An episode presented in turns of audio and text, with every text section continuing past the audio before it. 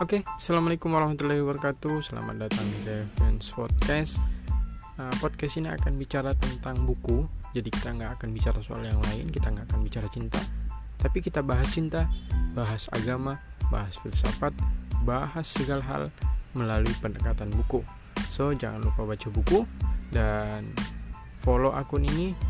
Selamat mendengarkan.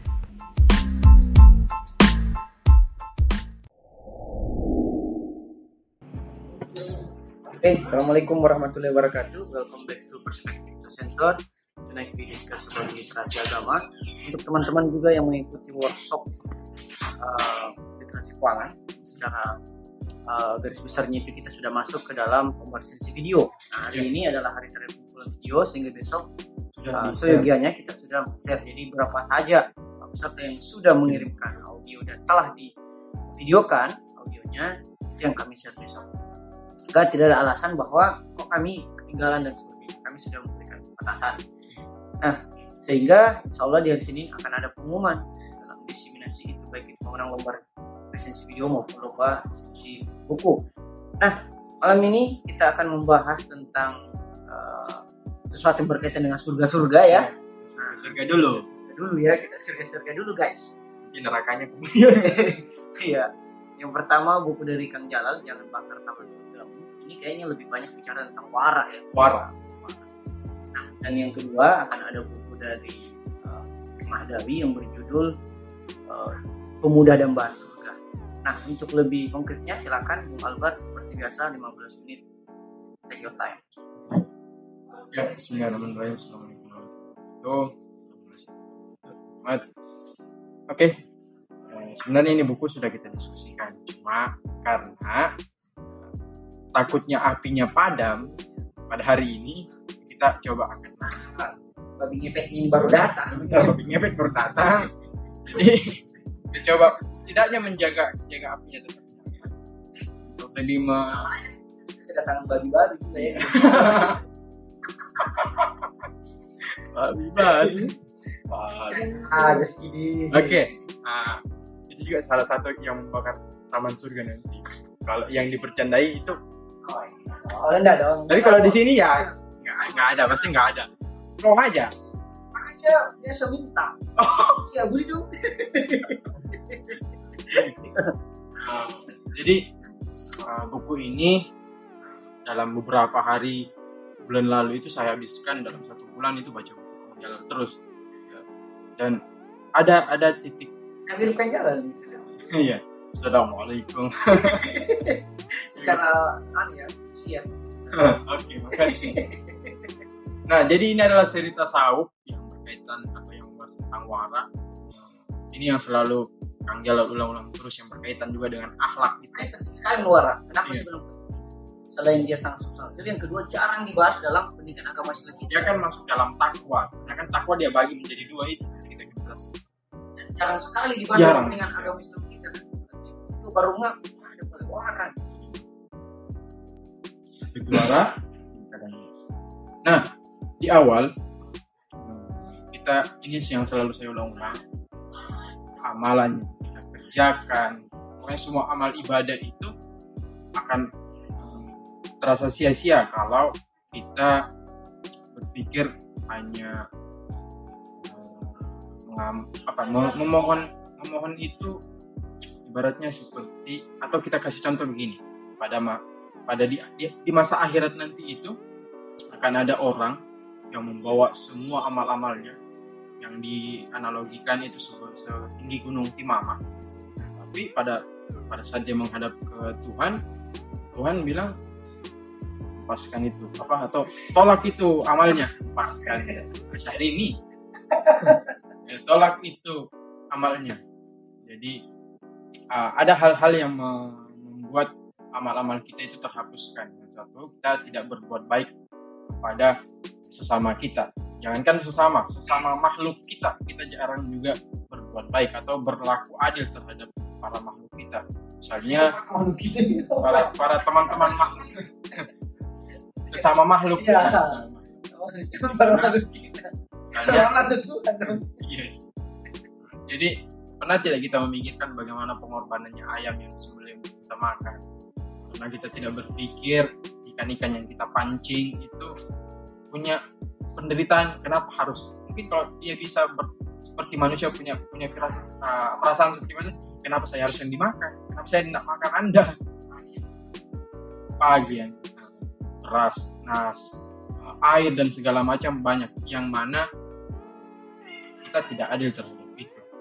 Ya jadi amalan ini jadi kita hanya fokus beribadah tok saja. Beribadah beribadah beribadah tetapi kita lupa bahwa di samping kiri dan kanan kita belakang kita dan segala macam masih ada yang tersakiti. Jadi itulah penyebab amalan kita itu menjadi sia-sia. Memang uh, Tuhan di dalam uh, salah satu ayat itu mengatakan bahwa tidak menciptakan jin dan manusia kecuali dia untuk beribadah kepada saya tapi bukan hanya di situ. Kalau dalam kang uh, dalam ceramahnya Kang Jalal bahwa tujuan kita sebenarnya hidup di dunia ini adalah yaitu seperti diskusi kita, kita kemarin memasukkan kebahagiaan kepada orang yang tertindas. Nah, jalan salah satunya adalah uh, dengan jihad pena ini yang kita lakukan. Jihad literasi ini. Nah kemudian lanjut. Sudah belum ngeh ya. Kita sudah berapa kali kemudian kemudian oke apa itu cinta dunia? Nah Kang Jalal mendefinisikan cinta dunia itu dia mengibaratkan seperti orang-orang yang menilai kemuliaan manusia itu dari tumpukan kekayaannya dari ketinggian jabatannya dari kemasyurannya reputasi dan kehebatan gengsinya. Nah itu adalah sifat-sifat cinta dunia. Kalau kita masih melihat manusia itu berdasarkan kekayaannya jabatan dan segala macam itu kita punya sifat-sifat cinta dunia. Kita menganggap bahwa manusia itu ya manusia yang baik adalah manusia yang baik akhlaknya yang baik. Jadi kita tidak melihat bahwa oh dia beribadah lancar jenggotan dan segala macam. Tapi pada di momen dia sendiri dia melakukan maksiat dan segala macam. Kita tidak tahu tentunya. Nah kemudian apa yang harus kita lakukan supaya kita terhindar dari perilaku cinta dunia ini? Nah di sinilah pentingnya warak nah lanjut. Pentingnya warak jadi satu ketika Nabi itu semacam membawakan ceramah pada bulan Ramadan. Masa pada satu kondisi Sayyidina Ali bertanya, "Ya Rasul, amal apa yang paling utama di bulan ini?" Nah, Nabi menjawab adalah warak, yaitu menahan diri dari apa yang diharamkan Allah. Ada dua. Sebenarnya takwa itu kalau dalam bukunya Jangan Bakar Taman itu ada dua.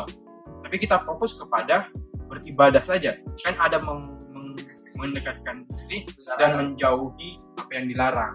Nah, dari situ kita fokus saja beribadah, beribadah, beribadah, dan bahkan dalam satu kondisi di mana ada uh, salah satu sahabat bilang kepada Nabi, ya Rasul ada seorang perempuan yang tiap malamnya itu selalu sholat malam, uh, di siang harinya dia beri puasa dan segala macam, tapi ketika dia sudah bersosial, dia tidak adil terhadap orang-orangnya lantas langsung Rasul bilang ya perempuan itu di neraka. Saking pentingnya itu kita berbuat baik juga. Nah di warak ini eh, menahan diri ini ini yang sulit kita kita lakukan. Bayangkan saja anggap saja misalnya kalau kita bangun sholat subuh. Ini kan salah satu contoh menahan. Sholat subuh eh, tunggu dulu deh tidur lagi sebentar. Atau mungkin puasa yang kita selalu besok hari Senin puasa deh pas hari Seninnya nggak jadi puasa.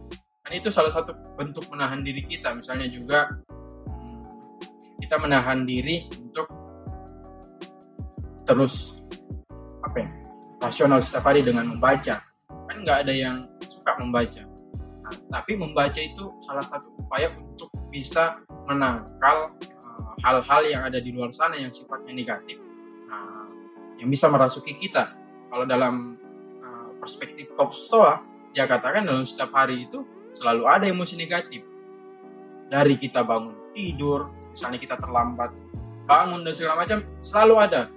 Apalagi kalau kita dikaitkan dengan meskipun ini inevitable, uh, law of attraction itu, kalau kita melakukan kesalahan itu akan berentet kesalahan terus itu. Jadi uh, apa yang kita lakukan adalah mencoba untuk uh, menggunakan akal setiap harinya, entah itu membaca, berdiskusi dengan teman-teman, mendengarkan podcast dan segala macam adil uh, berlaku adil. Sehingga uh, hal-hal uh, yang negatif itu bisa kita tepis. Karena kita tidak bisa menghilangkan karena itu emosi negatif itu ada terus. Entah itu dari orang lain dan segala macam bagaimana caranya kita menahan diri yaitu tetap berlaku adil terhadap otak kita ini kebutuhan otak kita dan segala macam. Nah eh, ibaratnya seperti eh, dalam satu saya lupa ini hadis satu ayat bahwa bersungguh bersungguh-sungguhlah dan rajin-rajinlah beramal. Jika tidak sanggup beramal maka janganlah berbuat maksiat. Ibaratnya seperti nah, kalau kita tidak bisa membersihkan jangan mengotori. Nah, karena orang yang membangun dan tidak merusaknya walaupun dia perlahan-lahan bangunannya akan tinggi juga. Beda dengan orang-orang yang membangun sambil merusak bangunannya ya yang nggak jadi-jadi. Di satu sisi dia uh, mungkin besok hari poinnya 10 besok harinya lagi nol jadi kali nol aja nggak ada perkembangan entahlah itu kayaknya yang lagi joget Kemarin kan dia jual bilang, dia juga ikut makan. Iya. Berlela ya. Oke. Nah, hmm, di buku ini juga saya saya rangkum hal-hal yang kita biasa dapati, hal-hal keliru yang biasa kita dapati, misalnya beribadah berdasarkan keegoisan. Nah ini bisa kita dapati pada momen-momen naik haji. Orang kalau di Mekah orang bilang enggak uh, uh, dia tidak pikir orang lain. Entah dia terluka terkena siku dan segala macam. Dia coba menerobos hanya dengan mau, mau memegang Ka'bah itu. Tapi kita tidak pikir bahwa orang yang di samping kiri kanan kita ini ah, mungkin pecah bibirnya orang tua tertinjak dan segala macam. Nah, itu yang menyebabkan kita tertolak amal-amal yang kita lakukan tujuan kita ini adalah untuk mendapatkan ridho dari Allah tapi di satu sisi kita menyakiti orang lain nah yang kedua juga bahwa kita melihat kebaikan hanya berdasarkan fikih mata. Jadi kita lihat orang-orang yang misalnya mohon maaf yang mungkin selalu pakai baju jubah setiap harinya, selalu pakai jenggot dan segala macam. oh, salah. Nah, yang yang berjenggot maksudnya kenapa melihara jenggot? jenggot. Pakai jenggot. Berarti ada saat di mana dia tidak pakai, dia lupa ya. Mana jenggot saya ini? ya kan anu fleksibel kalau lagi nggak mau ya lepas saja ya. jadi kita kita melihat kebaikan seseorang itu mungkin wih setiap hari dia mungkin update update yang berbau fikih atau mungkin self motivation dan segala ah, macam dari seseorang yang disinggung ini enggak banyak dari kita. Tapi uh, ada hal yang bagus. fikih Hmm, ya ternyata dia emosian ternyata apa yang dia share itu dia kita coba aplikasikan. Mungkin dia dapat poin tersendiri karena dia men-share-nya. Tapi poin yang lebih tinggi lagi apalagi kalau dia sudah men-share yang sudah dia lakukan. Dalam Quran surat Al-Fatihah kan menjelaskan kenapa kau tidak melakukan apa yang kau bicarakan. Wah juga itu. Dan juga kenapa kita misalnya selalu diskusi setiap hari supaya mengingatkan kita bahwa apa yang kita pelajari ini harus kita aplikasikan. Karena itulah uh, ujung dari apa yang kita lakukan yaitu keteladanan itu. Bahwa orang nggak mau lagi melihat apa yang kita bicarakan tapi perilaku kita yang dia contoh. Nah yang ketiga adalah minkonsepsi terhadap hadis-hadis penghapus dosa. Nah ini uh, misalnya gini uh, kalau dia berbuat dosa oh, kan banyak di hadis-hadis itu tinggal kita istighfar dan segala macam atau kita sholat malam jadi ibaratnya itu kita kalau berdosa eh, besoknya kan saya bisa resiko bin uh, resiko dihapus dan bisa direstore kembali Mm-mm. Kita menganggap bahwa ya dosa itu seperti hal file yang bisa dihapus dan dan segala macam. Padahal tidak kan. Abadi dalam Justru itu mungkin bisa dibilang dosa juga karena kita menganggap sepele dosa. Ya. Uh-uh. mengabaikan dosa. Mengabaikan dosa. dosa. Kita menganggap, ah biar midek, nah, saya melakukan dosa ini hari, besok tobat lagi.